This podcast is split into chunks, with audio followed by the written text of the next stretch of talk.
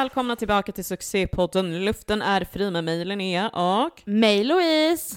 Och idag så ska vi prata om uh, Psycho Boys så att säga, men uh, nu går jag för långt fram.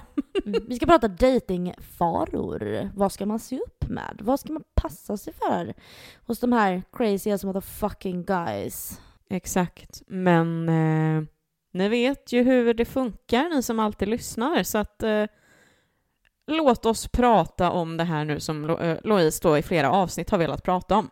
Halloweenfesten. Mm. För att vi har ju inte tidigare avsnitt vetat om vad som är. Det har blivit lite rörigt i avsnitt, vad fan när är det vi ska prata om det, bla bla bla. Men nu har vi i alla fall, nu har den varit. Exakt, för idag när vi spelar in är det tisdag den 7 november. Och det var en cirkus. Oh, Trevligt! Oh. But it was a fucking circus. And I'm gonna tell you why in a later sex talk. Alltså, ni kommer få höra senare. Ja. Men det är alldeles för färskt för att jag mentalt ska kunna prata om det. jag har ju fått höra. Hela den här veckan för mig har, måste jag liksom mentalt landa i för att alltså... It was crazy. Oh ja. Mm. Och ni som såg, hon kommer ihåg den storyn jag la ut på vår Instagram about Dracula. Remember it! För att jag kommer snacka om det också lite längre fram när jag har liksom kommit tillbaka till mm. mina sinnens fulla bruk. oh, gud, när du väl har återhämtat dig. Ja. Exakt. Fy fan. Men det var i alla fall en jävligt rolig halloweenfest tycker jag ändå om man tänker från det perspektivet att jävlar vad, vad det känns som att det bara hände. Typ någonting. Alltså, ja, det var mycket. Men det var, alltså, det var liksom, det hände lite här, det hände lite där. Oj, nu var det någonting där. Alltså, ja. Och det var kul att träffa lite nya människor. Mm, det var kul. Och det var ju... alltså jag insåg ju verkligen häromdagen det här med att, eh, för när vi pratade om det här i kärleksavsnittet för några veckor sedan, så sa ju jag det här med att ah, men jag vill ha ett förhållande där det händer saker. Jag har ju insett att jag behöver ett liv generellt där det händer saker, för att annars så skapar jag ju tydligen drama när jag är uttråkad. Mm. Men, eh, ja. Du bråkar alltså... lite med vargen. The big bag, bag, the big bad wolf. Mm. Och jag hade en eh, liten eh, stund med skogshuggan. Så att vi, vi hade, det var, det var, det okay. var vad det var, det blev vad det blev. oh, gud, alltså man, hade, man var ju fullare den här kvällen än vad man trodde. Ja, så var det ju. Jag verkligen började med kvällen bara, nej men jag är inte full, men jag märkte ju hur jag typ mm. eh, Ja, ja, och eh, dagen efter så frågade jag vargen, jaha, när åkte du? När åkte du hem igår då? Hur länge blev du kvar? Ja men Louise, jag åkte ju med er hem, jag fick ju skjuts av er. Jag bara, ja just det. Och då tänkte jag att nej, jag hade ju koll på läget men hell no. Obviously not. no. Men eh, bortsett från den här trevliga halloweenfesten, vad, eh, vad har hänt annars? Eh, ja, vad har hänt annars? Jag la ju även ut det på vår Instagram story, att jag hade en liten minidejt hemma. Vi lämnade där. Så. Mm. Eh, och eh, ja, sen så... Mm, det var faktiskt en ganska intressant grej som hände häromdagen. För då var jag och mamma och mammas kille och gick ljus i Alingsås, det är en ljusshow, man går och tittar fina lampor och så i träden. Och så skulle vi gå och käka på Pinchos. Så vi sätter oss där. Och bredvid oss så är det en mamma och pappa i typ 35-årsåldern och en liten unge, kanske typ tre år. Och jag skojar inte när jag typ kände att eh, jag måste typ tillkalla personal för att de kommer typ slå ungen snart. Alltså vi sitter där, den här ungen gallskriker, alltså är hysterisk. Och mamman Alltså hon du vet, hon bara rycker tag i hunden och bara sliter av den jackan och bara nu sitter du still, vi ska ha mysig familjemiddag! Du vet, och den här ungen är typ vadå, två och ett halvt, tre, fattar ju ingenting. Alltså du kan inte säga så till ett barn. Och pappan reser sig upp och bara, jag kommer inte ihåg vad hon heter, eller vad hon hette, eller något sånt där och jag kommer inte säga det ändå. Men hon liksom så här, vi säger Malin typ då. Han bara Malin, nu byter vi! Nu byter vi! Sätt dig ner! Nu, nu byter vi! Hör vad jag säger! Och hon bara Men hur ska vi? Alltså de började, typ, de började bråka där liksom, de var högljudda du vet och jag bara Alltså, och ungen bara gallskriker. Och så här höll det på. Under tiden vi väntade på att få mat och det tog ju typ 20-25 minuter du vet. Och jag bara så här, ah, oh my god. Och till slut så tappar mamman det. Så hon bara du vet reser sig upp och går. Hon går ut. Eh, och pappa sitter kvar där med ungen som bara skriker och skriker och skriker och så kommer mamma tillbaka och de fortsätter bara tjafsa. Och jag bara så här, tittar på min mamma och bara så här, alltså vad fan gör man? Eller vad så, hallå, vad fan liksom. Så det, det blev värsta dramat där liksom. Och till slut då så lugnar väl sig ungen då. Men alltså du vet, jag blir så här, förlåt men vad Vissa gör människor ni? ska inte ha barn. Nej men jag tänker också så här, inte, man vet inte omständigheterna. Men märker du att din unge är pisstrött och ingenting är bra, allting var bara nej, nej, nej, liksom så här, skulle ner på golvet och kräla och skrek och du vet. Då kanske man bara får bryta det. Man, hade jag varit förälder i det här läget, tänker jag mig, jag hade bara lyft upp ungen och gått ut. Och liksom kanske bara fått lite frisk luft, låtit ungen springa ett varv på parkeringen och sen nu går vi in och äter, nu ska du få... Ja men, det kanske inte heller hade hjälpt. Men att göra en scen där inne, då hade jag bara vi skiter i det här, vi åker hem. Det är ju pinsamt. Ja, och då var det så jävla viktigt att de ska ha den här jävla mysiga familjen. Alltså jag blev helt, du vet, what the fuck. Mm. Det var, alltså, både jag och mamma nice. bara the, vad, vad i hela friden liksom. Det var obehagligt liksom. Ja. Så att, eh, ja, det var en grej. Och sen, sen idag innan jag kom hit till dig så träffade jag en tjejkompis. Och eh, då berättade hon att hon ska ha barn. Så jävla roligt. Jag, började så här, jag blev så här helt tårögd och bara ah gud! Så himla roligt. Så att eh, ja, annars så har det inte varit en traumatisk vecka utöver det. Som sagt, du då? Hur har din senaste vecka varit? Ja, när du ändå är på barnfronten måste jag ju också säga det. För att idag när vi spelar in så släppte ju, eller så, så släppte Du släppte en mina kompis till dig ut, ut en unge ur fittan. Ah, nej. Nej men hon, eh, hon födde en, eh, en dotter idag. Ja. Och Kul. eh, ja, jag har ju längtat.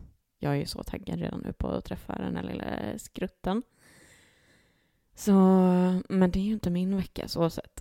Men eh, alltså jag har typ så här bara insett typ att jag, eller det känns som att jag säger det ofta, men jag är typ så här inne i någon, alltså gud, alltså jag, har- jag har inte haft en bra tid det senaste. Alltså det är verkligen Dålig höst hittills så Ja. sett i humöret. Ja, alltså det är verkligen så. Det känns som att det är...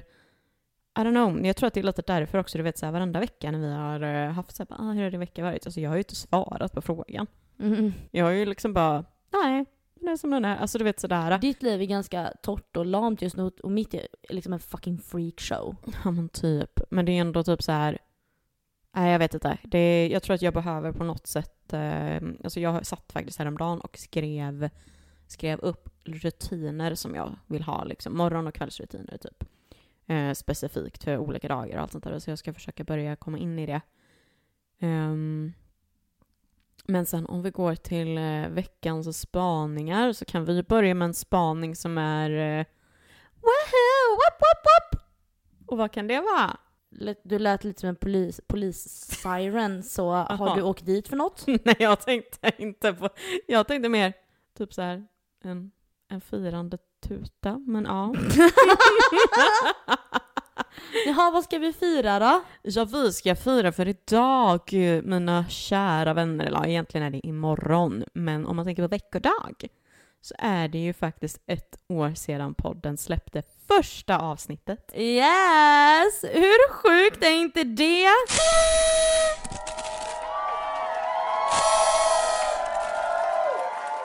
Det är jättekonstigt och jättesjukt och alltså jag... eh, Jag kan inte fatta att eh, folk fortfarande sitter och lyssnar Nej på jag oss. vet, det är helt sjukt. Och, liksom, och att vi har liksom kommit på så mycket att snacka om och att vi liksom ändå har delat med oss av det vi har delat med oss. Ja. Ibland kunderna bara vad Mm. fan sa jag det där för? Mm. Jag har ju som sagt lyssnat igenom våran podd. Ehm, det tror jag jag sa när jag, att jag gjorde det i somras. Jag kan ju säga så också, vad fan har man delat med sig? Ja, skämskudde alltså. Ja. Och jag tänkte också på det, eh, för jag har börjat spåna lite grann på ett, alltså nyårs, liksom, vi ska ha en liten nyårssummé, årssummé. Och då slog det mig också så här, vad mycket som har hänt Ja, ja tänk vad mycket som har hänt. året. Ja. Nej fy fan. Det är helt galet. Mm. Men det ska vi prata mer om i nyårsavsnittet. Exakt, men vi vill bara slänga ut det att uh, Så skriv gärna en grattiskommentar eller någonting kul på vår Instagram eller Facebook. Eller bara ta och lyssna på alla poddavsnitten hela dagen. Och ge oss fem stjärnor på Spotify! Ja, glöm inte det! Men sen till två spaningar som jag har, Mhm. som jag vill dela med mig av innan vi påbörjar dagens dejtingfaror. Mhm. Det första är, och det här kan ju vara en unpopular opinion och jag är lite nyfiken på att se vad du säger. Ooh. Men alltså ja, jag vill, det här, jag vill understryka först och främst, PK Linnea vill säga det att jag tycker fortfarande att det här är en imponerande kvinna, men fy fan vad jag har börjat störa mig på Therese Lindgren. Jo men det är du nog inte, det, det är du inte ensam om för det ser man ju i hennes Kanske inte så jättemycket i hennes kommentarsfält nu när det har gått en tid men det, jag, tror att hon, det är, jag tror att det är många prenumeranter som har lämnat, eller i alla fall visningarna har ju sjungit för henne och det har hon ju sagt också. Men hon har ju blivit eh, eh, alltså besatt av djur, djurhållning och det här. Absolut, otroligt, jättebra, kör din grej men jag tittar inte på det för jag, jag tycker det blir tråkigt. Men det är inte bara det, utan jag börjar tycka att det är för mycket. Alltså bara det faktumet, allt hon, alltså, allt hon delar på typ Instagram just nu. Jag, nu när jag kom på att säga det, jag ska ju fan avfölja henne för att jag, man ska inte följa folk man stör sig på. Men alltså det är så jävla mycket hela tiden saker som hon bara det är dåligt med det här. Alltså det är jättebra som du säger att någon står upp för allt det här men det blir too much. För att det är typ som det här med hon eh, la upp här nu då, ja, för det blir för er då för några veckor sedan, men det här med att hon söker en häst typ som hon vill eh, typ eh, hjälpa till med eller någonting. Och då var det en jävla radda på saker som var tvunget till att vara. skulle inte använda bett och Mm. Alltså det ena och det andra. Och jag läste typ kommentarerna på det här. Alltså jag är ingen hästmänniska överhuvudtaget. Men jag kände verkligen bara, men snälla. Det kändes som att hon liksom klankar ner på hästmänniskor som liksom älskar sina hästar bara för att de använder typ bets och eh, typ så här. Spö och sporrar och sånt. Ja, exakt. Men alltså jag, jag kan känna lite så här att vi behöver egentligen mycket fler människor som Therese Lindgren som jobbar för det här och kämpar för det här. Det behöver vi. För att djuren har ingen, alltså ingen rätt Nej, absolut. Så. så det tycker jag. Men underhållningsvärdet för mig och min personliga åsikt är ju tyvärr mycket lägre än vad hon hade för min del då för fem år sedan. Mm. Men det är ju en personlig smak och eh, jag tycker det är härligt att hon får liksom leva ut det hon vill och allting, sure. Men jag tycker det är tråkigt att titta på. Är det Louise som är lite PK nu helt plötsligt? Att hon eh, försöker rättfärdiga det här tänkte jag säga. Men nej men jag är med Mm, kanske. dig. Jag är med dig på det och det är jätteviktigt. Men, Men det är börjar bli- tråkigt och jag, jag kan stå för det. Jag tycker det är skittråkigt att kolla på olika, när hon är inne i olika djuraffärer och allting. Jag tycker, det är ingenting som jag finner underhållande. Nej. Men go girl, vi behöver fler som dig. Ja, absolut. Även om rent underhållningssyfte inte är min grej. Fast jag tycker typ så här generellt sett också att jag tycker fortfarande att hon gör det på fel sätt. Ja, men okej, nu kommer vi in på någonting annat. Förklara. Jag tycker att hon gör det på fel sätt av anledning att hon, hon triggar folk till att bli irriterade på henne. Och bli irri- folk bryr sig inte, eller vissa människor blir ju sådana så att de pushas till såklart till att liksom kolla vad det är.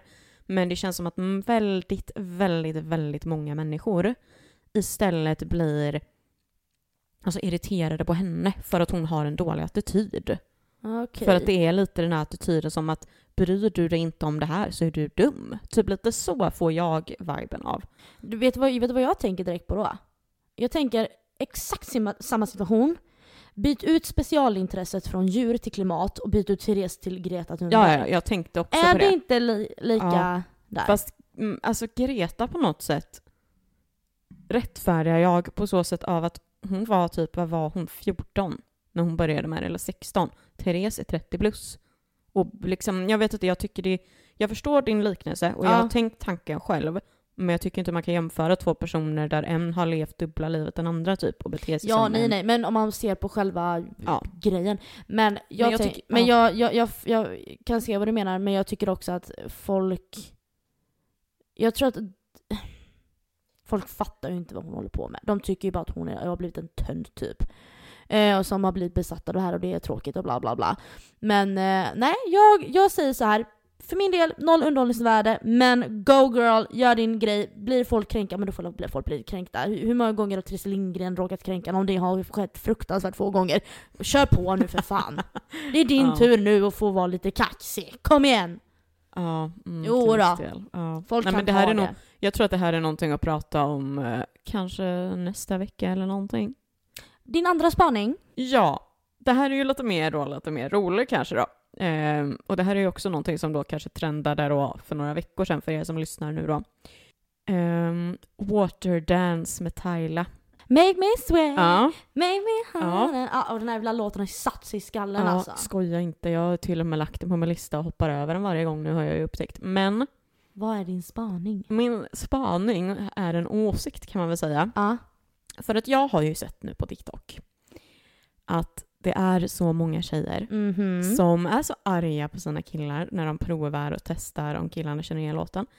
Och jag fattar inte vad problemet är. Jag har ju sett alltså, klipp på den här dansen och jag fattar att den är liksom väldigt sexuell och liksom på det Men sättet. den spelar ju på kolla mitt stora ass när jag shakar den liksom. Ja, men alltså jag fattar inte, alltså jag fattar ju att många av tjejerna såklart skämtar också. Men jag tror att det är en väldigt stor mängd av de här tjejerna som typ också på riktigt blir irriterade på sina pojkvänner. Ja gud, ja det tror jag säkert. Men jag fattar inte varför. Jag menar vad fan, du sitter säkert och typ så här first traps, eh, alltså Ja, men Nej. snälla bara nu halloween, alla de här screammaskerna och grejer. Tror du inte att tjejer satt och bara åh? exakt. men alltså, jag låt, tänker, dem, låt dem dregla lite, vad fan. men jag tänker så här. Du behöver ju inte utsätta dig själv för det. Om du vet att du kommer störa dig på om han tittar, gör det inte då bara. Ja, ja alltså jag, jag fattar inte grejen varför man ska bli sur över en sån sak. Det är en Nej. låt, det är en dans, alltså. Men Ma- Magic låten- Mike, hallå? Ja, men alltså låt... Åh. Ja, jag vet inte. Gör inte sånt som ni ändå fattar att ni kommer störa er på sen och skyll på en kille då liksom. Nej, nej, det är det jag känner också. Det var För hade, det varit, hade han visat en sån video eh, för dig som tjej och och du hade tittat fram en kille, ja då hade du ju tyckt att "Ja, men du kan inte bli sur när du tar fram det här, nej. Alltså, ja ja, vad säger Men i du? alla fall, för vet du vad? Vi har snackat typ i 20 minuter nästan. Men vet du vad? Nu när vi ändå pratar om det här med, ja, man kan bli lite konstig i ett förhållande och såna här grejer. Ah. Ska vi då komma in på fucked up boys Ja, vi kanske ska and börja. girls? Ja, sant. Såklart. Så, Vi börjar igång. Nu kör vi. Ja, först och främst så tänkte jag att vi går, utgår ifrån nuläget. Det vill säga, som det ser ut nu, det är ju lite annorlunda kontra när vi pratade om dating första gången i den här podden, eller vad säger du? Ja, i alla fall eh, för din del kan man ju definitivt säga att det ser väldigt annorlunda ut. Ja, det gör ju det. Och jag har ju, ja, som jag nämnde förut, varit på en liten minidejt. Eh, men det har ju inte varit någon riktig dejt ännu om man ska vara sån då, vad nu det är. Inte bowla i alla fall. Eh, ni som vet, ni vet. Eh, så här är det att jag, det här med dejtingen nu då, alltså så här, jag kan känna mig lite typ schizofren i frågan kring att dejta eller inte. Alltså ena dagen känner jag fuck it då, jag vill vara singel resten av mitt liv och typ jag pratar, orkar inte prata med någon överhuvudtaget. Medan nästa sekund så känner jag mig alltså väldigt öppen för att träffa någon och det känns rätt, liksom, rätt att fortsätta ses och kunna se vart det leder liksom. Så att det är väldigt liksom up and down i den grejen.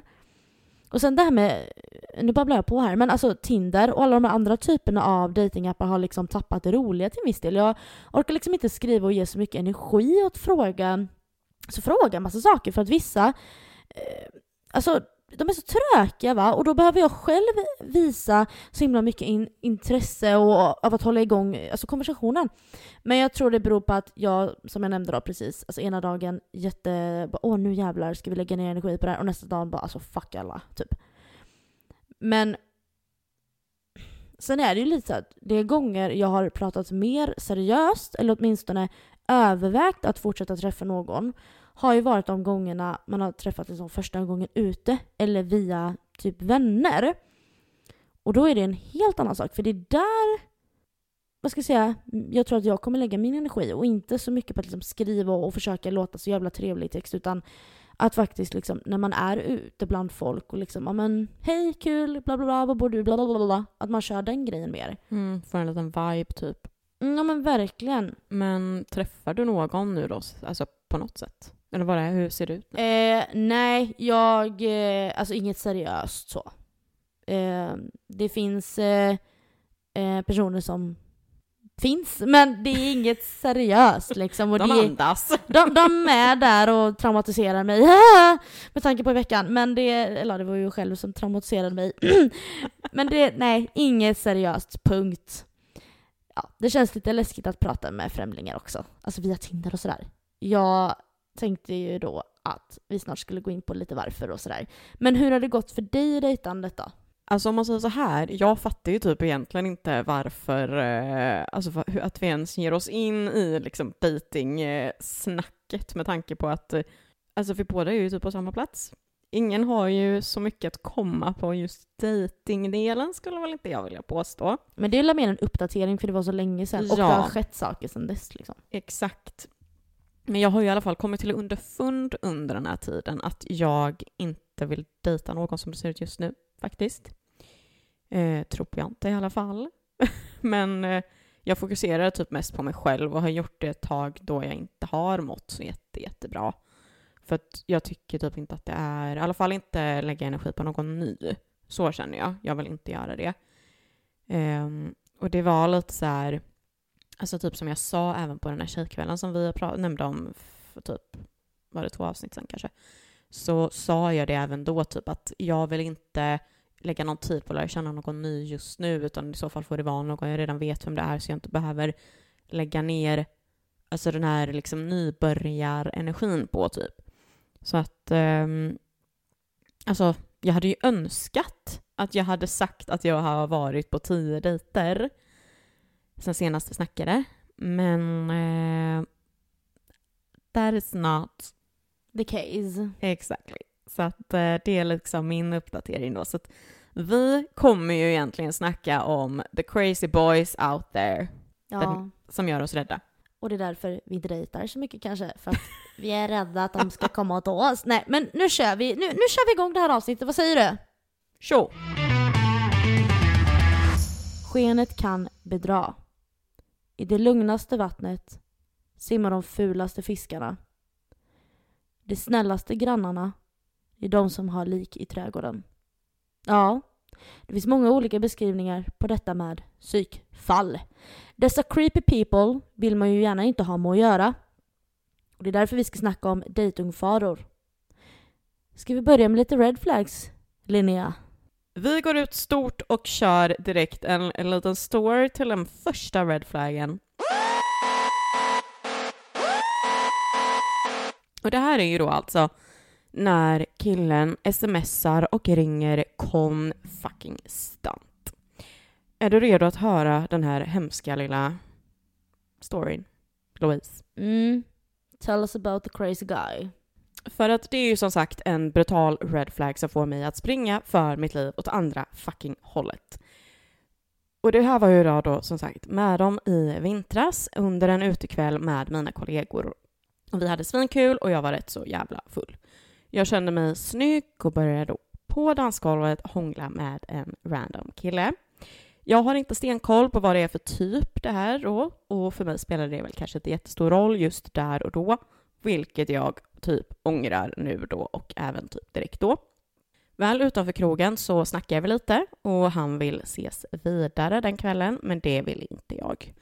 Jag säger i så fall att då får han bjuda ut mig på dejt eller någonting. Jag byter då nummer med den här killen. Big fucking mistake. Jag hinner knappt gå 50 meter innan han ringer första gången, vilket jag dock inte märker först. När jag kommit en bit så ringer han igen och den här gången märker jag det och svarar. Och han vill ju ses och la la la. Och jag ville ju då bara hem och själv dessutom. Så jag ser ju då även efter samtalet att han då emellan de här två samtalen även hade skickat ett sms som bara löd tja. Sen då var det inget mer den kvällen, väldigt skönt. Men däremot lördag morgon så bryter helvetet lös för då kommer det en flod av sms med riktning mot mig. Tja, VGD är ju hans standardfras och jag känner bara att det är en red flag i sig, typ. Men hur som helst då så svarar jag inte för jag ångrar ju mig helt och hållet med den här killen. Jag är vanligtvis väldigt noggrann med att inte ge ut mitt nummer till random personer, vilket jag tycker man verkligen ska vara. Så att så här lät konversationen då, eller ja, monologen skulle man väl kunna säga. Han inleder 08.53 med Tja, VGD, Komar Linnea. Jag vill bara inflika här med att jag tror, om inte jag minns helt fel, att han typ en svensk eller någonting, så att hans stavning är inte jättekorrekt. Men jag svarar i alla fall inte. Han fortsätter sen 12.35. Slutar du från jobb? Du, Linnea. Eh, jag svarar fortfarande inte. Och han fortsätter då 14.30. Tja, VGD. Jag svarar som sagt fortfarande inte, vilket resulterar i att han ringer mig typ direkt efter de meddelandena. Och jag svarar inte på samtalet, men drar en vit lögn i sms. Hej, jag jobbar så jag kan inte prata eller skriva nu. Och han svarar okej, när slutar du från jobbet? Ehm, jag svarar inte. Fucking creep! Som Mm. ringer dessutom. Ja, ja, ja, när jag inte svarar. Och sen då i alla fall så eh, 15.56 så skickar han puss och blinkemojis. 16.21 så skickar han vill du eh, träffas i stan klockan åtta? Och då börjar jag ju känna så här, jag bara, nej alltså jag orkar inte, för han fattar ju uppenbarligen inte vinkeln. Så då svarar jag bara nej, jag är faktiskt inte intresserad av att träffas. Han svarar okej. Och sen något jag inte kan utläsa helt, men han skrev var ber i maj. I don't know what it means. Och då trodde vi då att det här var slutet. Nej, såklart inte. För 19.00 samma kväll, tja, VGD. Och han får inget svar. Sen går det två dagar och då tänker jag ändå, fan vad skönt. Han har lagt av. Måndag 14.07, tja, VGD. Och här får jag ju totalt flippen för att jag är, alltså jag blir så jävla irriterad på den här människan för att uppenbarligen så är det ju liksom, han fattar ju inte någonting. Eh, jag flippar dock inte på honom dock, för att jag börjar ju misstänka här någonstans att jag kan ha hånglat upp någon som inte hissen kanske går hela vägen upp på. Vad menar du med det PK Linnea? Alltså jag tror inte... Misstänker du att det kan vara så att den här personen kanske inte var så... Inte hade alla hästar i stallet? Ja, därav hissen inte går ända upp. Mm. Alla besticken är inte i lådan och så vidare. Mm. Jag tror som sagt inte att han var helt så där som man då inom citationstänket säger normal då. Eh, så jag skriver ju då till sist, sluta skriv till mig, jag är inte intresserad, varpå jag får tillbaka ett okej. Eh, sen blockerade jag ju dock hans nummer direkt efter det här, alltså jag vet ju inte om han har försökt ringa eller skicka och sånt här. Men däremot så i somras sen så försökte ju han lägga till mig på Snap någon gång och jag blockade ju honom bara direkt där med. Och jag tycker ju att det här är ju fett jävla obehagligt när det blir på det här viset och därför säger jag att en big fucking red flag är en kille som inte fattar vinkeln och ringer och smsar kon fucking stant. Sen går vi vidare med en klassiker som jag tror du kan instämma på. En, jäkt, en jäktig jävla red flag är när killen tar droger. Oh ja, det Så går fet bort. Och sen har vi då även dricker sig plakatfull varje helg, både fredag och lördag och kan inte, alltså just det här, nu vill jag understryka, kan inte gå en hel helg utan alkohol. Mm. Självklart så finns det perioder där man festar jävel, det gör jag också, men det handlar om just den här grejen att jag vägrar vara utan alkohol en hel helg. Typ så. Precis. Ja. Det är inte bra. Nej. Sen då så uh, tycker jag att en red flag är när han inte vill umgås med min familj eftersom att det är något som jag tycker är väldigt viktigt för mig. Och familj överlag är väldigt viktigt så att jag ja, tycker att det är en uppenbar red flag liksom. Eh, sen också någonting som är eh, en annan är när killen sätter ord i min mun utan att det är mina ord. För då är det precis som att han väljer att att eh, bestämma helt enkelt. Han, eh, han vill ta kontrollen över ditt liv, typ, tänker jag. Och det tar jag oss även in på då en ganska uppenbar och det är kontrollerande, svartsjuk och respektlös. Krävs ingen förklaring till det. Eh, sen även förminskar mina känslor och tankar och då tänker jag även eh, om han då eh, förminskar andra människors känslor och tankar också. Och eh, ja, dina då Louise? Det här var bara några som jag kände på lite så här spontant. Vad, vad tycker du? Vad tänker du? Jag tänker så här.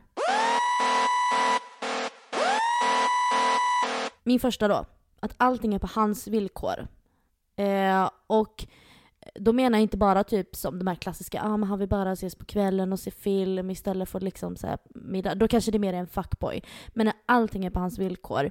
Eh, vad ni ska göra, när ni ska göra det, vad, vad, vad, du ska på dig. Alltså, det blir ju ett typ av kontrollerande då. Eh, två, dumförklarar och försöker leda in en diskussion till att det är mig det är fel på eller att jag har sagt någonting som jag inte har sagt och som jag vet om att jag inte har sagt. Eh, och det kan vara en sån sak som att du eh, eh, men du sa ju att du skulle, vi, vi tar ett exempel med Anton då, min hund. Ja men jag, jag sa till dig älskling att du skulle lämna Anton i hundgården. Varpå han säger nej men det har du aldrig sagt till mig ja, ja, ja, du sa att du skulle göra ditten datten, ditten datten. Och så vet man om att nej, jag skulle aldrig göra det för att jag åker till jobbet. Anton kan inte vara hemma i huset i tio timmar. Det fattar du väl själv? Fiktivt påstående, har aldrig hänt, men du förstår. Det där att man liksom leder in diskussioner som att man själv, alltså fuckar med ens hjärna. Tre, kan inte ta kritik utan känner sig alltid påhoppad. Oh my god, ja. Och jag ja. tror att det är vanligt. Mm, jag tror att det är extremt vanligt.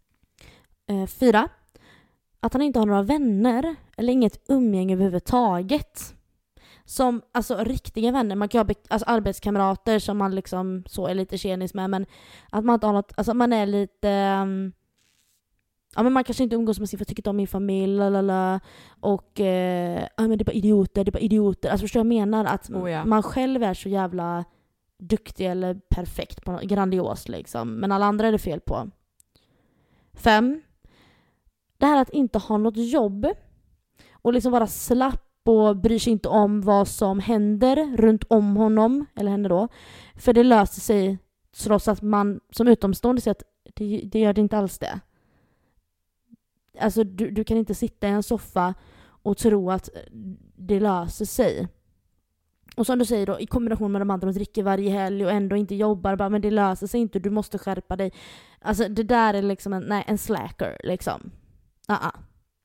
Så det jag menar när vi snackar om detta är att det som skrämmer mig med att dejta framöver liksom, och lägga ny tid på att lära känna människor är att det kan vara guld och gröna skogar, men sen börjar de visa, alltså sen börjar de visa konstiga tendenser eller det framkommer skeva värderingar liksom. Och just därför så vill jag helst träffa någon via vänner eller typ en väns kollegas bror eller ja du fattar. Någon man känner som kan lite grann, som man litar på som lite grann kan gå i god för snubben man träffar typ. Fattar du hur jag tänker? Och ja, jag förstår helt hur du menar. Och jag kan ändå hålla med dig där, att för då blir det precis som att det var ju lite det jag kände typ för några år sedan det här med när jag liksom matchade med killar på Tinder då. Då tog jag oftast de som jag ändå hade lite koll på vilka det var. Ja. Så att jag inte behövde liksom eh, vara liksom världens jävla detektiv tänkte jag säga. Men verkligen, man vill, man vill ändå känna lite den här säkerheten för att alltså jag menar de sakerna vi har gått igenom det är bara liksom en handfull. Det finns hundra händer till. Nej men alltså det, det är så jävla mycket saker som är så läskigt och vissa saker inser man nog inte förrän det väl händer än att jävlar det här vill jag inte. Eller när det väl har gått för långt. Exakt, så att det är ju... För man har ju oftast överseende när man är förälskad och galen. Japp, definitivt. Vilket faktiskt då innebär att ibland kan det ju visa sig att de här killarna, eller då för tjej, vissa tjejer, eh, faktiskt utvecklar sig till att det visar sig att de kan vara något mer än bara en vanlig konstig person. För de kan ju faktiskt vara psykopat, narcissist eller liknande märkliga Cray, typer liksom. Ja, men ska vi då komma in på det lite mörkare spåret nu då här? Och det är ju då psykopater och narcissister och just cray, cray, cray. Ja. Och jag fick lov att göra lite research faktiskt. Och den informationen jag kommer att läsa upp nu är taget från podden Spöktimmen, which I love. Och det jag tar eh, ifrån är deras avsnitt Halloween, Psykopater med älskade psykopat som släpptes 30 oktober 2021. Där pratar de om detta, så här kommer en övergripande faktaruta om psykopater. 1. De har bristande empati eller ingen empati överhuvudtaget. 2. Känner inga skuldkänslor. 3. De är många gånger charmiga och vet vad som de ska säga. De är liksom vältaliga helt enkelt och därav är de duktiga på att manipulera sin omgivning. 4. De är måna om sitt yttre. Liknande narcissister, som också är det, och som har en grandios självbild. 5. De har inte sällan dålig impulskontroll. Jag fattar inte meningen för att jag Ja, är det har dum. inte sällan dålig pulskontroll. Det betyder att eh, psykopater har oftast en dålig impulskontroll. De agerar på impuls liksom. Fattar du? Ja, nu är jag med. För att skillnaden mellan psykopat och narcissist då, det är att psykopaten tycker om att vara hemma i sitt bo, har lätt att isolera sig och umgås inte mycket med folk, har liksom inte många vänner. Lite det här jag nämnde tidigare. Medan narcissisten å andra sidan älskar uppmärksamhet och mycket folk omkring sig, står i centrum, men har ändå en viss nivå av empati kontra psykopaten då. Och det ska tilläggas att alla inte är så här, utan det är kännetecken och det är som oftast utmärker dessa typer av människor. Eh, som det också säger i Spöktimmens avsnitt vill jag poängtera. Det finns olika grader och det är viktigt att säga det. Så vad är liksom dina lite spontana liksom reflektioner efter att jag har läst igenom den här lilla faktarutan? Min första tanke är att man definitivt har träffat på väldigt många fler psykopater och narcissister än vad man tror. Men det tror inte jag. Du tror inte det? Nej, så här. Jag, jag följer en eh, psykolog på TikTok. Hon är jättebra, jag tror de flesta vet vem det är. Och långt hår, glasögon, fantastisk. Eh, hon säger att det är väldigt få som får den här diagnosen. Men de här dragen finns det ju personer som inte har fått diagnosen. Det finns det ju många av. Sant. Jag tror att vissa har mer eller mindre drag. Så vill, men jag tror inte man har träffat så jättemånga full-blown psykopater i sitt liv. Det, det tror inte jag att jag har gjort. Nej, men jag tänker typ lite mer narcissisterna. Det är nog lite mer dem jag tänker mer. Och varenda jag... jävel i kostym och portfölj i Stockholm. Skojar, Nej. sorry guys. Nej, men alltså grejen är den att det är ju en, eh, en tjejkompis med hon har ju haft en kille som definitivt går under narcissist. För att han checkar av varenda punkt. Han är inte psykopat utan narcissist. Mm. För att det är... Och alltså det var... Det, nej, jag har väldigt svårt att se att han... Alltså han har ju inte fått någon diagnos och vidare, jag vet, men han är det. Alltså 100 procent. För att det beteendet, man checkar inte av alla punkterna utan att... Eh, Nej jag säger ingenting om det. Det finns det säkert. Jag har haft en psykopat i mitt liv. mm, En psykopat i mitt liv. mm. Så Jag, jag utgår ifrån det här då så skulle jag säga att det utan tvekan var så. Och det är ju det som är lite obehagligt för att det är ju, man har ju hört ett och annat om vad de kan få för sig och göra hit och dit. Då. Mm, jo tack. Men samtidigt så blir det ju också så här, alltså man får typ tänka också någonstans att vad, alltså hur stor är egentligen sannolikheten att man, alltså att just jag eller just du hade börjat dejta? Men det är lite är- farligt att tänka så också. Jag tror istället man ska vända på det och tänka så här. Jag ska vara medveten och öppen och tycka det är härligt att dejta och alltihopa. Men jag ska vara medveten om vilka signaler som faktiskt finns. Oh ja, oj det är spö. Jo ja, det tycker jag. Mm. Det kan jag hålla, men det instämmer jag på, man får ju fortfarande vara medveten. Men jag tror fortfarande att sannolikheten är ganska liten. Jo, det tror väl jag med. Det Eller tror så är väl det jag att man. Man hoppas.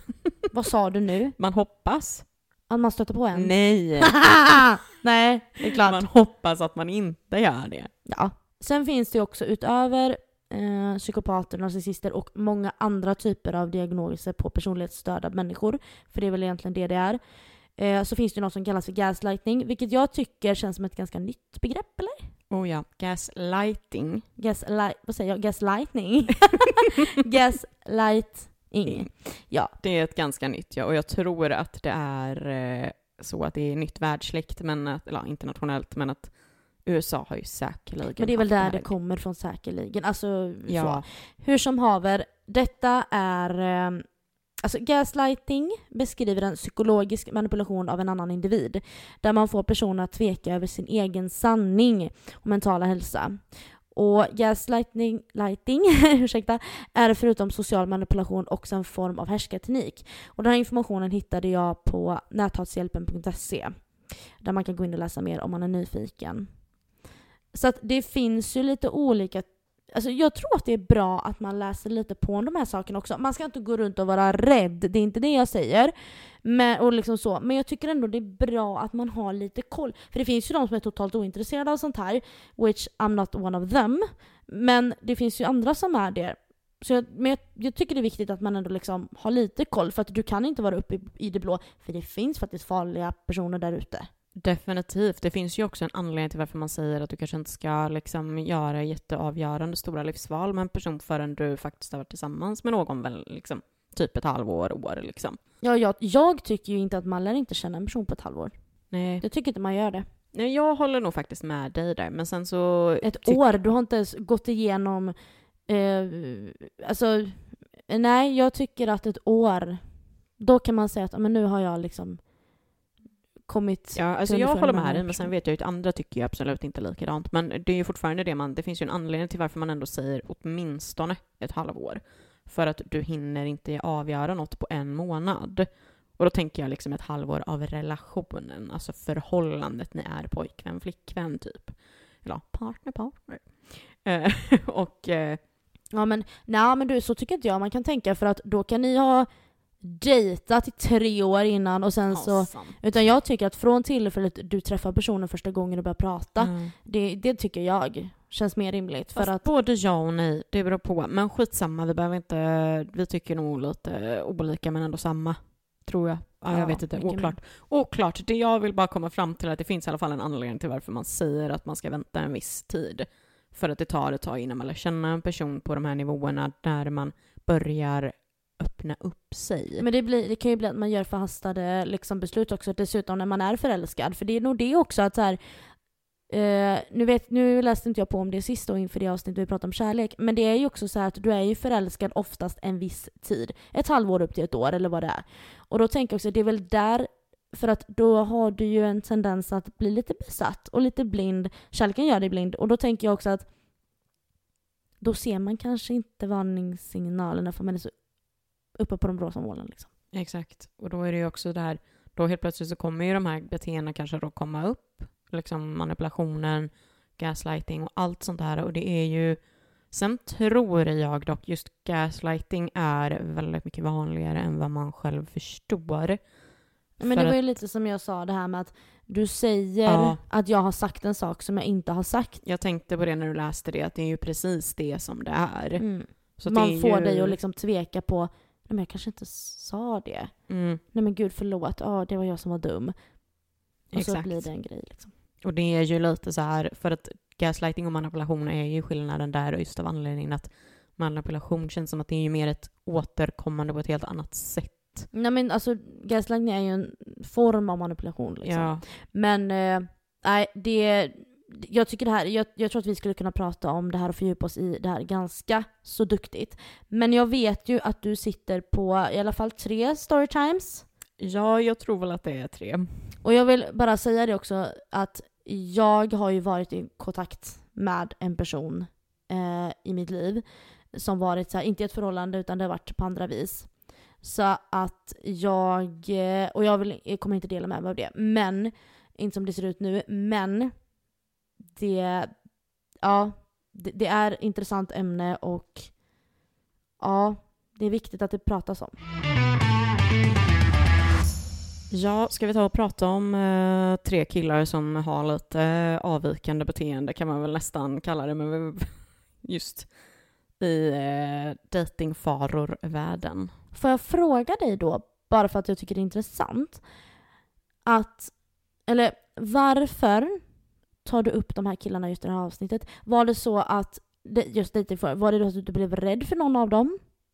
Eller var det så att du kände att den här personen är sjuk i huvudet och jag borde passa mig? Eh, eller av vilken anledning tar du upp varje kille? Om du bara säger Mm. första killen, det här är varför jag tar upp han. Nej men första killen skulle jag väl egentligen säga mer att han gav mig lite av ett obehag i efterhand. Ehm, men jag tänker att vi ska även diskutera varje kille efter varje berättelse, eller vad man ska säga. För att jag tror att den första kommer man förstå efteråt varför jag nämner beteendet som var då. Sen eh, nummer två som jag tänker att vi ska ta upp är eh, alltså egentligen mer bara själva grejen av att han är en vandrande red flag, typ.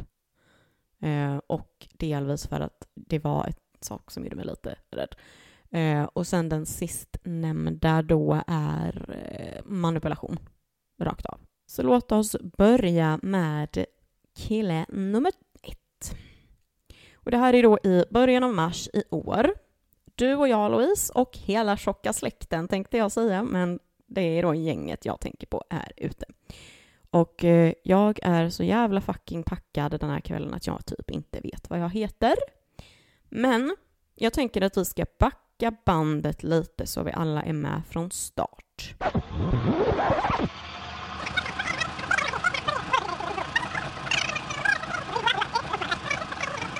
Det är första fredagen i mars i vår lilla stad Alingsås.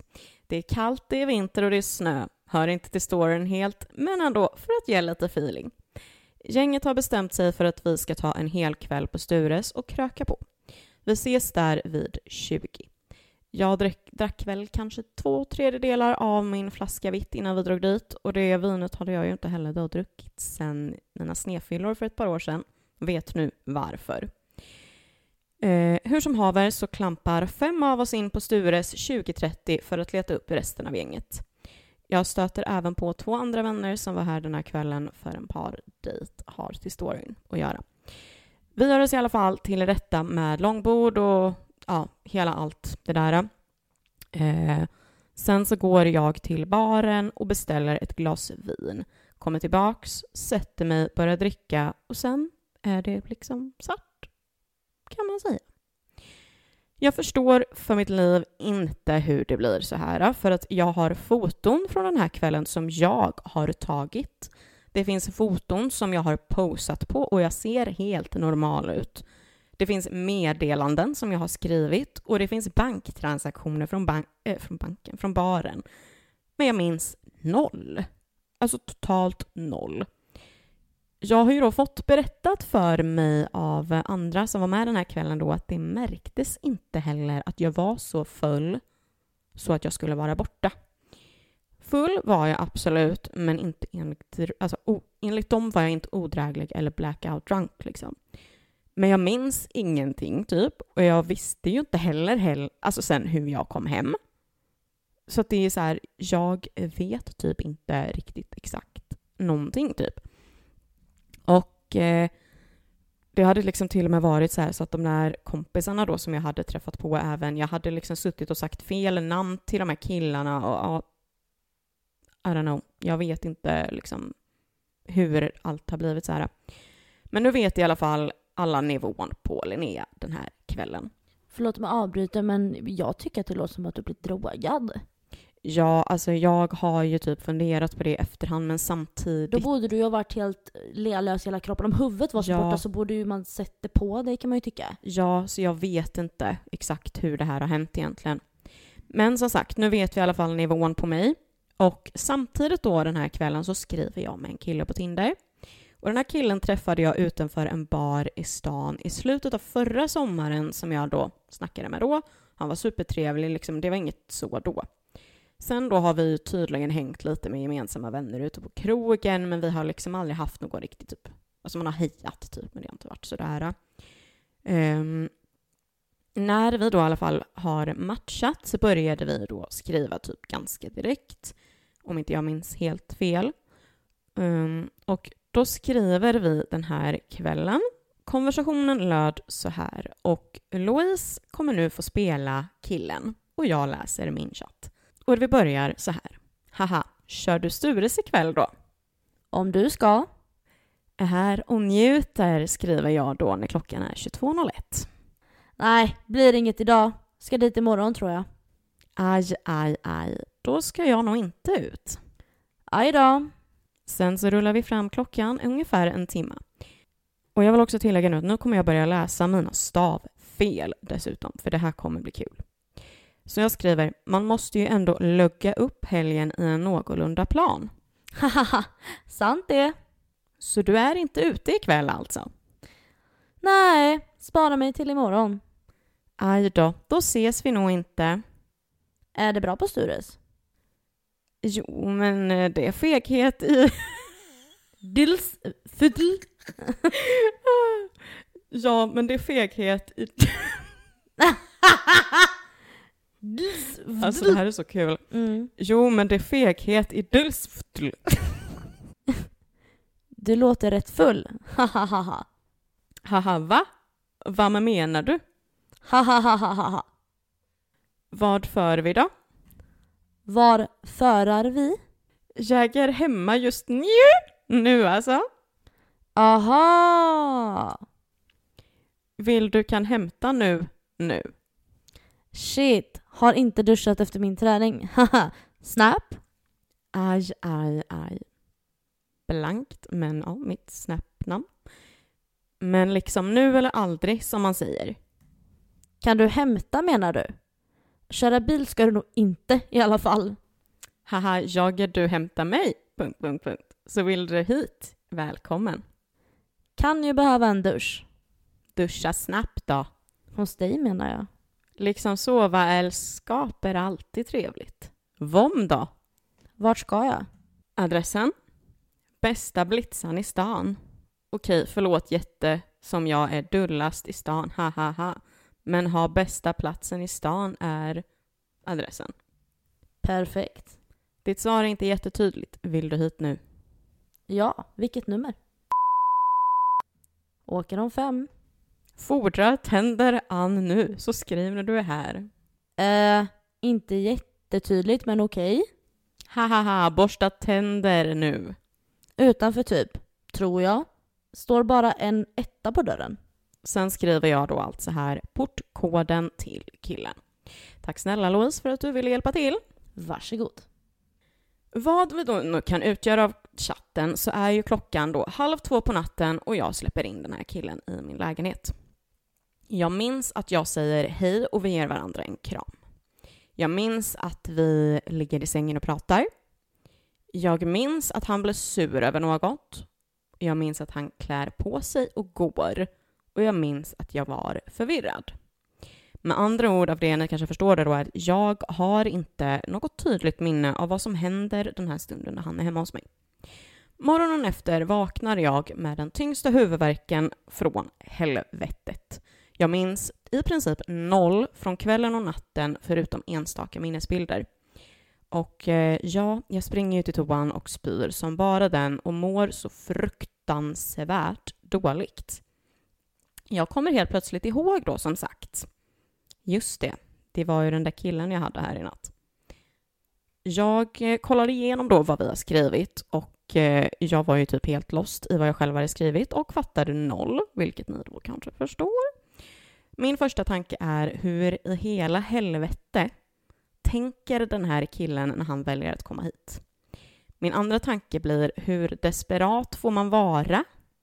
Och min slutliga tredje tanke blir vad fan hände då?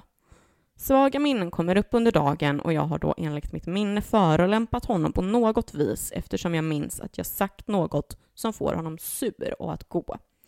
Till sist så blir det ju att jag då skriver till honom och frågar, vilket jag nu tyvärr inte har kvar eftersom att det var på Snapchat. Men jag har då tydligen sagt att han ser ung ut, inte en gång, inte två gånger, inte tre gånger, utan enligt honom jättemånga gånger och då även vägrat släppa det.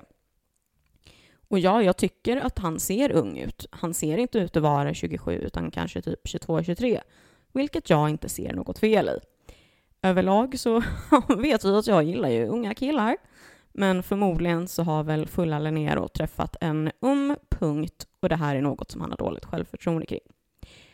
Det som jag då känner är så fel med hela den här situationen och varför jag tycker då att det här är en kanske lite av en obehaglig situation på ett sätt är hur tänker han då när han uppenbart ser i hur jag skriver att jag är plakatfull i och med att jag har extremt svårt att skapa ordentliga meningar och jag stavar väldigt, väldigt fel. Och sen tänker jag även då, hur tänker han när han träffar mig och jag med största sannolikhet även är tydligt aspackad när han träffar mig? Och jag känner lite så här, hur tänker han? Samtidigt känner jag ju också typ så här att ja, han får ju för fan skylla sig själv när det liksom kommer till att han blir förolämpad för att det var fortfarande så att han valde att gå hem till någon som var pissfull. Så jag tänker lite så här, moral of the story är ju gå aldrig hem till någon som är full för att få närhet, för det kan hända så mycket dumt från allas håll. Vad tänker du Louise? Jag tänker två saker. Ett, jag håller med dig. Om du inte känner personen. Vilket du inte direkt gjorde här. Så att säga. Men gud nej. Nej. Och eh, på ett sätt så tänker jag också så här. Att hade en kille skrivit till mig som jag då, eller så här, som jag inte känner. Uh, eller så här, som jag inte känner då och skriver det här till mig bara jag hade aldrig vågat åka dit. Men hade jag känt personen hade det varit en annan sak. Lite grann sådär, man träffas någon gång sådär, då hade det varit en annan sak. Men den här situationen, alltså ni känner ju typ inte ens varandra. Och han, som du säger då, är fullt medveten om att du är bakom flötet liksom. Och en, men, men jag tycker ändå att han kan ju inte varit så jävla farlig om han blev lite buttered i alla fall. Tur det då. Och valde att gå för en sån sak. Så det var nog inte en farlig kille, men situationen hade kunnat bli farlig. Ja, det är det jag också tänker. Jag hade ju en väldigt tur.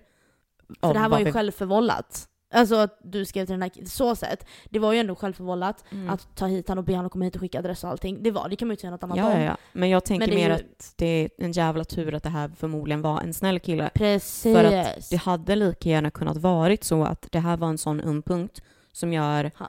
att han typ slår till mig. Eller Lackar liksom, ur och bara, ja men jag kom hit för att ligga med dig så nu ska vi fan ligga och typ hade våldtagit dig. Exakt, och det är det jag tänker typ. Men jag tycker också att det är en obehaglig situation på så sättet av att jag har ingen aning. Alltså, det hade lika gärna kunnat varit att vi hade legat redan, men att jag inte kom ihåg det. Mm. Så det är liksom så här, han, det där är en obehaglig situation man inte ska sätta sig i. Precis. Så att, eh, ja. Ska jag gå vidare till nummer två som är den vandrade redflaggen? Ja. Så where shall we begin with this one? Alltså herregud. Jag är ju hans the one that got away typ, skulle man väl kunna säga. Nej, skämt åsido. Han har dessvärre fått mig många gånger dessutom, så att eh, ja. Vi måste i alla fall backa bandet på den här också för att man ska hänga med i svängarna.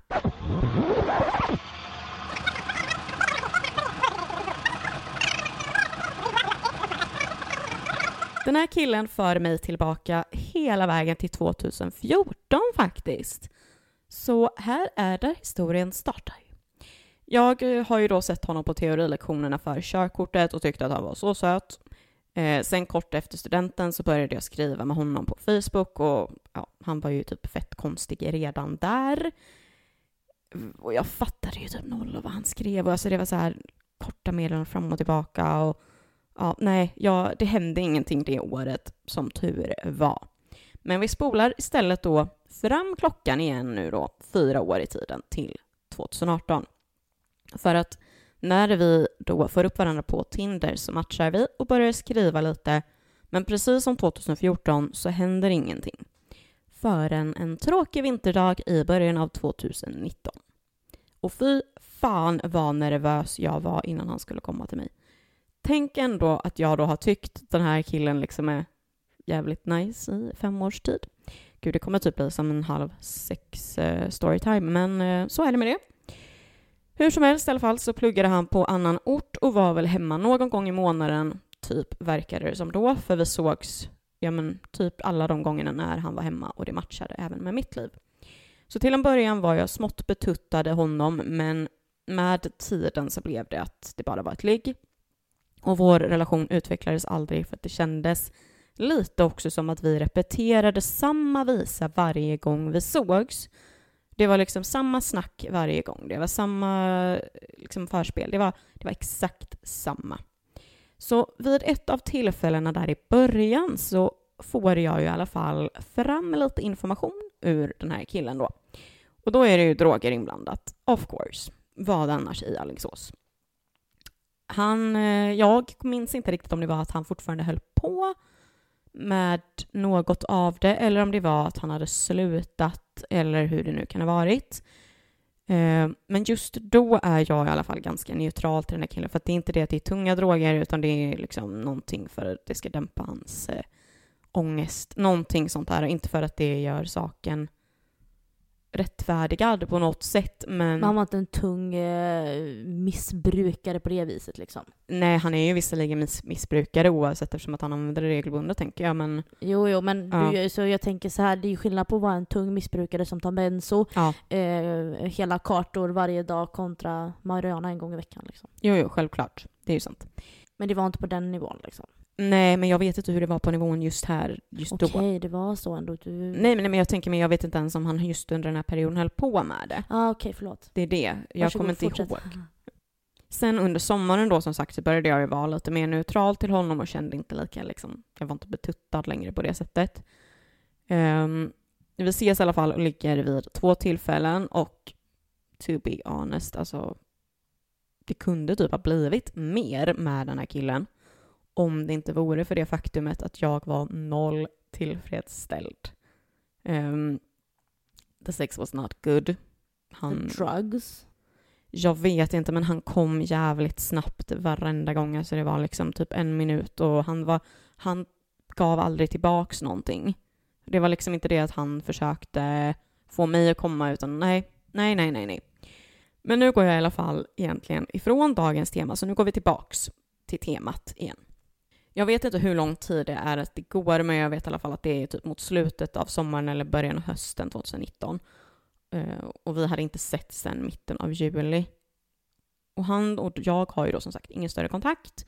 Men han vill ändå ses varenda gång han är hemma. Och jag kan då, host host, inte. Det är eh, jobbhelg, det är natt och jag sover. På nattduksbordet ligger min mobil och surrar. Jag ser vem det är som ringer och väljer att inte svara. Samma igen, men jag svarar inte. Jag vet ju vad han vill, men tänker att han lär ju ge upp när jag inte svarar på min mobil. Jag försöker somna om. Ljudet från ytterdörren in till mitt trapphus är omöjlig att missa när den öppnas. Och jag hinner tänka, det kan inte vara. Det ringer på fucking dörren.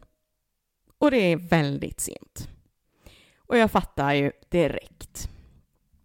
Försiktigt, försiktigt, försiktigt så tassar jag fram till dörren och kollar ut genom titthålet. Där står han lutad mot väggen. Och jag tänker ju här då att han måste ju vara hur jävla full som helst. Men jag släpper inte in honom, för jag orkar inte. Speciellt också att jag tycker det är så jävla oattraktivt när jag är nykter och någon annan är plakatfull. Sen vet du ju inte om han var på droger. Sant. Väldigt sant. Så att jag tassar då tillbaka till sängen superförsiktigt. För jag tänker fortfarande att tänk om han har satt örat mot dörren eller öppnat postinkastet. Alltså, I don't know. Men eh, så jag ligger där i min säng och är eh, ganska så skakig och en aning jävla rädd för om vad nu då hans nästa steg liksom ska bli. Eh, han ringer på en, två gånger till, minns inte helt exakt. Och sen ger han i alla fall upp och jag tänker skönt och lyckas faktiskt somna om. Efter det här då, jag vet inte om det här är dagen efter eller om det till och med är flera veckor senare om jag ska vara helt ärlig, men eh, efter det här så ville han i alla fall förklara sig för han skämdes ju något så enormt över det här. Vilket han även bör göra. För vem fan går hem till en KK och ringer på mitt i natten utan att man ens har haft kontakt innan? Och det visar sig i alla fall då att det är någon släkting till honom som har dött och eh, han har dränkt sina sorger i sprit. Sen vandrat hem till mig, för tydligen var jag någon typ av trygg punkt. Och som jag sa till honom då, uppenbarligen så hade du väl lite känslor för mig då eftersom du valde att gå hem till mig och inte någon annan typ en kompis. Och det tror jag fan typ fortfarande alltså. Men här slutade vi i alla fall sedan ha kontakt med varandra på samma sätt. Jag tror fan det. Ja, och jag vart ju... Alltså det är ju ganska uppenbart ja, men eh, alltså jag var ju så jävla avtänd och dessutom så var ju det här också i samma veva som jag precis gick igenom typ mitt värsta heartbreak up till that point in my life liksom. Sen då. För vi är inte klara med den här killen. Louise ögon öppnade som stora golfbollar. Men jag tror inte det blir värre dock. Utan nu är det mer så här red flag sen. För nu får vi komma ihåg att det här är en vandrande red flag som vi pratar om. För att spola framtiden två år. Och det är sommar 2021 och Linnea älskar livet. För det var ju faktiskt en ganska lång och fin varm sommar. Och jag var ledig i 12 veckor. Woho! Det var en kväll i juni. Nej, men helt plötsligt en eftermiddag så dyker hans namn upp bland mina notiser och han har skickat ett meddelande. Vi skriver lite fram och tillbaka och bestämmer oss för att ses. Varför vet jag inte, fråga mig inte varför. Det var i alla fall supertrevligt och vi pratade mest och låg dessutom inte den här kvällen. Jag kommer ihåg när du berättade detta för mig till och med. Asså, Ja, jag kommer ihåg det här. kul! Den här sommaren var jag i alla fall då som sagt väldigt noggrann med att inte ligga på liksom när man träffar första gången. Typ. Jag vet inte varför riktigt, men eh, jag hade lite som en sån grej. Det som kommer fram den här kvällen då dock. Minns du det jag nämnde om drogerna? Nej, jag gör ju inte riktigt det. Men eh, jag får ju, jag, jag blir ju nervös. Eh, han äter ju då något godisaktigt. Inte, inte när jag är där nu, då vill jag ju understryka. Det lät ju som att jag menade så då. Men eh, vi sitter ju i alla fall och pratar om det här med droger och han nämner ju då som sagt att han äter någon typ av drog som är eh, något godisliknande som ska ha typ samma effekt som typ gräs eller någonting. Att det är liksom, nej gud, jag vet inte, jag bara kände okej. Och då kom det ju liksom strike one. Sen längre in under kvällen säger han då att han eh, inte kommer lika fort längre som han gjorde när vi sågs 2019. Strike two, för att det där är fett jävla oattraktivt när en kille säger sådana saker. Då känner jag mest att om det är så, säg inget alls. Um, däremot så försvinner faktiskt strike två. För han skriver till mig och kollar så att jag har kommit hem säkert. Vilket jag tycker är en green flag, faktiskt. Um, men sen i alla fall ett par dagar senare så ses vi igen. För att jag tänker ju ändå att nu vill jag ju ändå testa kuken. Om den har blivit mer uthållig eller om det bara är snack. Eh, så nu kommer vi till Red Flag City. Den här kvällen var det väldigt varmt ute och han hade varit hos sina kompisar och kollat på fotboll innan. Jag tror det här var typ EM eller VM-sommar eller något sånt där. Vi ses hemma hos honom. När jag kommer dit och kramar om honom så känner jag att grabben, mm, du luktar lite skunk. Du, eh, har du använt lök under dina armhålor istället för deodorant? För att han stinker svett. Och jag kände verkligen bara varför har jag gått och gjort mig fräsch för den här killen? Sen blir det i alla fall då att inte alls långt efter det här så går vi vidare till sovrummet. Eh, I och med att det var ganska sent som vi träffades. Tror du nu då att han höll länge eller? Nej. Det gick så jävla fort att det nästan blir retligt. Alltså det är verkligen så att man bara känner, man bara varför, varför satte jag mig själv i den här situationen igen? Jag vet ju vad jag får när jag kommer hit. Och sen också då som en liten, eh, ni vet ju förra veckan med Fridas sportkille, med det här med snoppisen. Det var ju inte lika illa som den hon nämnde, men det var ju inte gött alltså. Den här var ju, du jag menar, luktar han svett så är ju snoppis också äcklig, ganska obvious. Morgonen efter så har jag ju aldrig stuckit så tidigt från en kille innan, för jag ville typ bara hem. Eh, vilket också var ganska skönt sen, för att jag tror att han fattade vinkeln, för att vi har inte haft kontakt efter det på det sättet. Alltså han har skrivit, Han har skrivit några enstaka gånger och jag har varit liksom ans- alltså avståndstagande direkt för att jag, alltså så här, jag tycker att han är jättefin att kolla på. Och hans lägenhet var superfin. Men för mig är det lite väl många red flags som dyker upp. Och liksom, jag kan typ inte dra allt. För jag vill inte heller att någon ska lista ut vem den här killen är i med tanke på att vi bor i en ganska liten stad. Så ja. Det var Red Flag City-killen. Ja, och jag kan ju säga så här. Var, hur? Hur?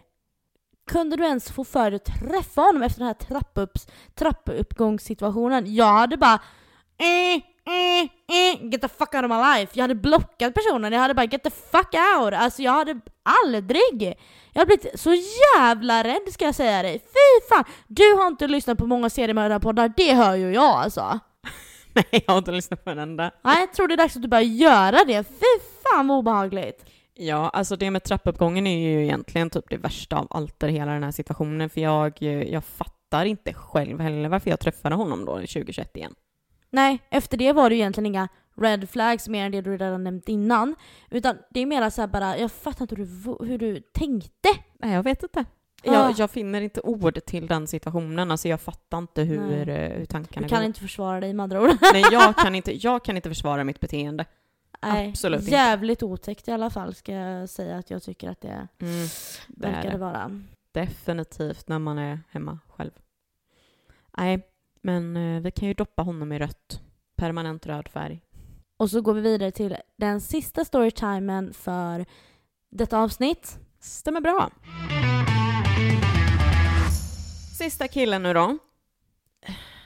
Åh, lilla, lilla hårdrockaren alltså. Det tar fan emot att han inte var bättre. För fan vad jag ändå diggade honom. Men majoriteten av killarna man träffat är ju då rötägg och likaså var han. Men det tar som sagt ändå emot. Och det där pirret saknar man ändå lite som man hade när man träffade honom i våras och vintras skulle jag ändå vilja säga. Men jag understryker, jag saknar pirret, inte nödvändigtvis honom. Sen är det faktiskt så här att eh, jag kommer inte gå in superdetaljerat på honom mer efter det här avsnittet. Då jag vet att hans, eh, gud nu kommer folk säkert lista ut vem jäveln är. Men eh, jag vet ju att hans ex eller tjej eller vad det nu är som de är idag har ju då letat upp mig och letat upp podden och faktiskt lyssnat. Eller om hon till. Stalker girlfriend! Nej, Jag hade gjort exakt likadant. ja, ja, men jag säger inte att det är något fel! Men i alla fall så är det så här, jag vet inte, hon kanske till och med sitter och lyssnar nu. Det skulle typ inte förvåna mig. Hi girl! Hur? Sen vill jag ändå typ vara lite så här respektfull samtidigt. Men ja, förlåt, förlåt. Men, Men- jag hade också gjort det. Ja. det, är se, det är sen. Inte nu. Nu är vi inte respektfulla, utan det är sen efter det här. Vi ska bara kasta skit först. Japp. Ja, den här killen i alla fall skulle jag ju typ vilja säga har både liksom gaslightat mig och typ försökt manipulera mig till sexuella handlingar flera gånger. Har jag ju typ insett i efterhand. För att när jag började få fjärilar för honom så förminskade han det och menade på att jag inte ska kunna få det då. Eh, vi har ju bara setts si och så många gånger. Så man kan ju inte få fjärilar i magen av en kille när när man bara setts en gång igen. För det är ju inte så att man har setts flera gånger tidigare under året då där en period. Men eh, trots att det går flera månader så eh, kan man inte få ett litet pirr efter en gång igen.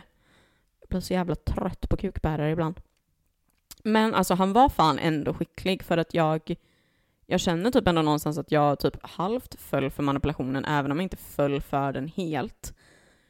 Men det kändes väldigt mycket som att han försökte sig på någon typ det är synd om mig-taktik för att få ligga. Och det är inte nice. För att det var ju lite som det, jag berättade ju lite om det här i somras. Eh, eller var det, nej jag berättade inte om det i somras, jag berättade nog i, kan det varit första sexsnacket för säsongen tror jag, så pratade vi om sex som varit i sommar och lite sånt där. Ehm, och han satt och berättade väldigt, väldigt mycket om eh, sitt eh, liksom, sitt uppväxt, sin relation till ja, exet, tjejen, whatever. Alltså jag vet inte. Jag vet inte vad jag tror på och vad som är fel och vad som är rätt och jag tänker inte skrika ut att någon är en lögnare och den andra talar sanning. Liksom. Det tänker jag inte göra. Men jag, eh, jag tyckte väl någonstans att det kändes som, alltså där och då i den stunden så tänkte jag inte överdrivet mycket på det. Men sen i efterhand har jag ju reflekterat över att det kändes som att han sa väldigt mycket av de här sakerna för att sen typ eh, köra då den här det är synd om mig-taktiken, tyck om mig, eh, sug min kuk, ligg med mig. Alltså, det var väldigt... Eh, Men vad var det han liksom... Eh, har du något exempel? Var det någon gång som du kände liksom efteråt att eller när du har pratat med kompisar och ni har kommit fram till att men han sa ju det för att när, när han visste att du skulle reagera så så blev det så. Har du något bra exempel? Eller är det mer liksom, liksom hela situationen var så här hela, alltså genomgående liksom?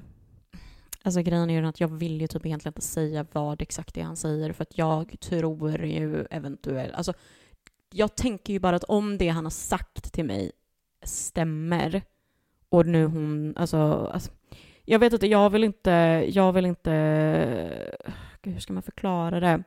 Alltså låt säga, nu är inte det här ett exempel om just honom, utan det här är ett annat typ av exempel Fiktivt. för att ni ska förstå. Um, nej men det kunde typ så här, jag, jag tänker, tänker typ, um, ja, jag kör brutalt och det här är inte vad han har sagt, men låt säga att han hade sagt typ, ja ah, men min, min eh, mamma dog när jag var fem 17 tyck synd om mig typ på det sättet. Och så kunde det vara liksom att han, han ville och... få... Alltså, rätta mig om jag har fel, men jag upplever det som att han använde sådana här saker för att han ville ha någon att prata med och då kände du dig utvald och han vill prata med mig om det här. Det måste ju betyda att han ändå liksom känner någon typ av trygghet i mig eller någonting att han vänder sig till mig. Jag är speciell. Exakt. Och då blir det att han fattar att du kommer känna så, du kommer dit, du är man, ni kanske pratar om de här grejerna, kommer in på andra saker och så blir det att man till slut hamnar i sängen. Exakt så. Definitivt. För så var det i alla fall eh, första gången när jag upptäckte liksom att det här är ett manipulativt beteende. För att det blir ju liksom precis som att för att i början av konversationen kan det vara nej men jag vill inte, jag vill inte bara ligga bara för att ligga. Sen så sitter man och pratar om de här sakerna. Och sen helt plötsligt så är han sugen. Alltså det blir typ, alltså jag vet inte, han min uppfattning var att han körde manipulationstaktiken det är synd om mig. Och då blir jag liksom så här. Ja men manipulation, jag får henne att tro att hon är mer speciell än vad hon är. Ja, Genom att använda mig av att um, sträcka ut en hand, jag pratar med dig om de här sakerna. Men visa känslor och, mm. och liksom, nej jag vet inte, jag jag tyckte bara det var så, så märkligt. Och sen just det här med att han liksom... Han kunde kväva en med komplimanger. Kväva. Och sen så betydde de inte ett skit när det väl kom till kritan. Så det är så här, jag... Eh... Jag skulle inte säga att någon av de här exemplen, utifrån vad jag... Så här, ingen av de här äh, är ju enligt mig då psykopater eller narcissister. Men de använder ju fula de, alltså de, de har ju betett sig konstigt. Som du säger, alla de här skulle jag säga är vandrande red flags. Ja, precis. För det är det jag vill Det här är inte bra här, killar. Mm, det är ju inte det att de här killarna är psykopater eller narcissister, utan det är ju att det är Alltså, men som du säger, vandrande red flags är ju vad killarna är. Mm. Eh. Samtidigt skulle jag ändå säga såhär, ja, sure. Han killen som kom hem till dig nu var full. Alltså, ha, vandrande red flag tycker jag vill låta i. Alltså såhär, det var, alltså förstår jag menar? Ändå så här, ja. han tyckte det var asläcker, snygg, ja hon är packad, ja, men hon vill ju jättegärna att jag kommer, men jag kommer dit får vi se hur läget är, typ. Du vet ju inte vad som försiggår i hans huvud. För att hade han verkligen bara velat lägga med dig, då hade han ju skitit i om du tyckte att nej, han såg lite nej. ung ut. Så jag skulle säga att det där kanske är lite hårdrade. Eh, även om, ja, det är ju inte asattraktivt och alltså inte jag tycker, jag tycker att det är en red flag för att då är inte han en personkännare. Tänker jag. Nej. Alltså jag hade ju inte gjort likadant om det var en omvänd situation. Om det inte är en, nu som du sa där, att det är en sak om det är en person man har ja, en så är det. liksom continuous kontakt med. Men alltså nej, jag tycker att det är en red flag för då är man inte då känner man inte av situationen. Men det är ju samma sak känns- som att du raggar upp någon på krogen. Men då är du själv full. Han var ju inte full. Det är ju där det landar i att han... Alltså om inte jag minns helt rätt så var det antingen att han hade typ tagit någon Mm. enstaka öl eller att han var nykter. Han hade ju varit Mm. och tränat. Mm. Ja, det ser ju inte bra ut, men jag tycker inte det låter lika allvarligt. Nej, liksom. Men jag håller med dig, det, det låter ju inte bra. Nej, Det håller jag ju med dig om. Det låter inte bra. då är det liksom, då vandrar man på desperat i så fall då, om det är det enda man kan Mm. Nej, alltså jag vet inte. Det, det jag vill liksom bara säga klart med den här för sista killen är bara det att, att ehm, jag känner någonstans att han... Jag hoppas att han reder ut sitt liv. Ja men Linnea. För Ska du ha värsta gulletalet till han här nu då? Nej, jag tänkte säga så här, för att jag tänker inte vara någon jävla psykolog för någon som har så mycket inom sig på det sättet. Alltså det är... Det är en helt annan historia. Skaffa hjälp pojkar, våga gråt. Kom igen. Ja, alltså gud, jag blir så trött. Summan av kardemumman av det här, av det här Nej, vet avsnittet. du vad? Summa summarum. Summa summarum! Det är ju ändå ett år nu. Ja, summa summarum. Så här, eh, så här jag, jag tycker någonstans när man sitter här i vår lilla poddbubbla på något vis att mm, det är många saker man ska passa sig för. Absolut. Varningssignaler, märkliga beteenden. Eh, lita inte på vem som helst. Var inte för blåögd. Men var inte heller rädd. Våga också liksom. Men jag tycker det är en, eh, det är en balansgång. Det är en, verkligen en balansgång och det... Ah, man blir nästan lite så här lite, lite uppgiven typ att ah, hur fan ska man veta då? Herregud, jag pratade med en, en person i min närhet för inte så länge sedan då hon berättade om eh, hennes ex att, eh, och jag trodde de hade en, alltså en okej relation och liksom så här. Sen visade det sig att han hade ju lurat henne på en jävla massa pengar och betett sig och det såg ju inte hon i början. Så det är ju det här att du, du har ju ingen aning om vem det är du träffar. Och det kan verka vara den finaste personen, inga varningssignaler, allting är bra. Vilket också kan vara en varningssignal för övrigt om allting är guld och gröna skogar. Men säg att det är en helt normal person, det verkar inte vara märkligt. Ja men normal person. Men du har ingen aning. Man tror att man känner folk. Hur många gånger har man inte hört liksom Ja men eh, Linnea, hörde du vad eh, din klasskompis eh, du hade där, har du hört att han åkte in för mord? Va? Han som är så snäll? Va? Alltså man har ingen aning om vad som försiggår i folks liv eller i folks huvuden. Gud nej, alltså man har inte en blekaste aning för det är så mycket som man går runt och bär på som man inte berättar för någon också. Men verkligen. Så, Så att att, Ja, men samtidigt typ så här, det jag kan typ känna efter ett sånt här avsnitt är mer att jag blir så här, jag blir typ väldigt nollställd. Alltså på så sätt av att jag blir så här, jag bara whatever. ja, Alltså- whatever. Du fortsätter träffa en kille som kommer dit och fucking på dig natten. Du fortsätter ligga med en missbrukare. Jag bara så här, ja sånt där, där, du vet jag hade sprungit åt andra hållet. Där är jag för no. Jag har hört alldeles för mycket på spöktimmen som vi nämnde här innan, exempelvis. Ja. Nej men jag, vet du vad jag tror med varför jag eh, träffade honom igen? Min hypotes, om man kan använda det ordet, är att jag tror att jag var hungrig på kärlek. Ja, och sen, alltså jag tänker också så här att du hade ju varit så lite så här förtjust i honom och han var så jävla snygg och allting och bara fan det kanske ändå ska... Alltså man är lite förblindad av hur, Ja. ja, ja situationen eftersom att den såg ut som den gjorde då. Ja, Kanske. ja men det är väl lite samma, ta bara eh, kocken.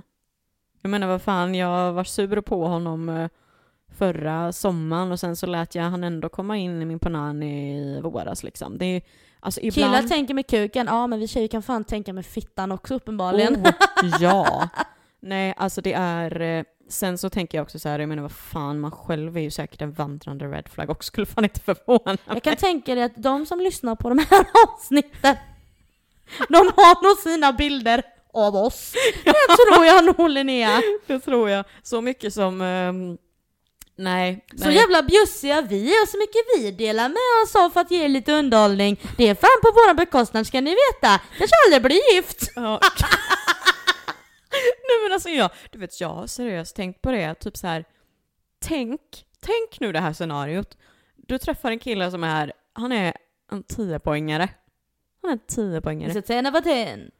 Men han säger till dig, du får inte podda mer. Jag vill inte att du sitter och berättar saker om eh, liksom, dina gamla ex och mig i din podd. Om han är en 10 av 10. Ja. Tänker du säga upp kontakten med vår podd då? Jag skulle, så här. Alltså det finns inget mellanting, det är antingen Mm. du stänger, du Ja, liksom... absolut. Men Mm. jag skulle vilja ha anledningar till varför. Bra anledningar till varför. Jag vill förstå. Man skulle prata om det. Men, och så här, jag kan absolut förstå varför man skulle göra det. Vilja göra det. Jag vet inte om jag hade tyckt det var jättekul, helt ärligt. Om det var en snubbe som jag träffade som sitter och berättar om saker som vi har gjort. Jag vet inte om jag skulle, jag skulle nog, Nej, jag vet inte om jag hade gjort det. Du vet, jag har verkligen reflekterat över det. Och jag har även reflekterat över det här. Du vet, jag har tagit bort att jag har en podd i min Tinder-bio. För att jag... Det har inte jag gjort för jag får in så jävla många lyssningar på det ska du Ja, veta. Varenda, du- Det är väldigt många snubbar som bara men de, det är ju sådana som är bara äh, what the fuck. Jo, jo, men de som kanske är något att ha då. Du vet, så här, jag tänker ju direkt att jag själv hade inte velat träffa en kille som har en likadan podd som oss. Nej, det hade jag väl kanske inte heller. Vad bra! Anledningen till detta är varför, Linnea bara snabbt varför? Varför? Ja varför? Ja, för att jag hade nog tyckt att det var lite jobbigt att han satt och pratade om sina gamla ligg i podd. Nej, alltså jag jo, vet inte. helt ärligt, jag med. Jag hade också så här, för jag tänker, jag kommer inte vara den personen som kommer fråga en snubbe när jag börjar träffa honom, hur många har du legat med? Jaha, vad, det, det, det. Jag kommer inte vara det för jag vill bespara mig de tankarna. Ja. Ja men och han sa att han gillar det här mycket och sen visar det sig att han kanske inte alls gillar det tillsammans med mig. Det är fel på mig. Förstår du? Mm. Jag kommer inte vara en sån person. Men, Men, sam- han som jag träffar, ja han kanske inte kommer kunna låta bli. För jag hade inte kunnat låta Nej, bli. Om killen hade hade inte kunnat låta bli. Nej. Och lyssna. Men jag tänker typ någonstans att jag hade nog dock varit okej om det var att han pratade om, om eh, vårt förhållande, om han gjorde det på ett respektfullt Och sätt. frågade liksom, Ja, kan jag berätta precis. här? Och får jag läsa det innan helst? Ja, typ. Men alltså. så gjorde jag ju med mitt ex när jag berättade historien kring oss. Då frågade jag först och sen så ville att jag läser det. Ja, och så fick jag läsa upp det för Ja. och så var det okej eller inte då. Men det är ju det som är så... Det handlar om respekt. Det handlar inte om att vara kontrollerande. Eller Nej. styra. Utan Nej. det handlar om respekt. Oh, ja. Säg sig självt liksom. Det tycker jag med. Det är, inte, det är inte konstigt att man vill ha lite koll, för det är ändå sin, sitt eget privatliv också. Nej men alltså Vi har gud. inte så mycket privatliv kvar Linnea. Nej, alltså jag har... Åh, gud. Alltså det är verkligen... eh, Jag hade absolut inte slutat med det. Jag hade inte. Den 10 poängen hade fått gå hem.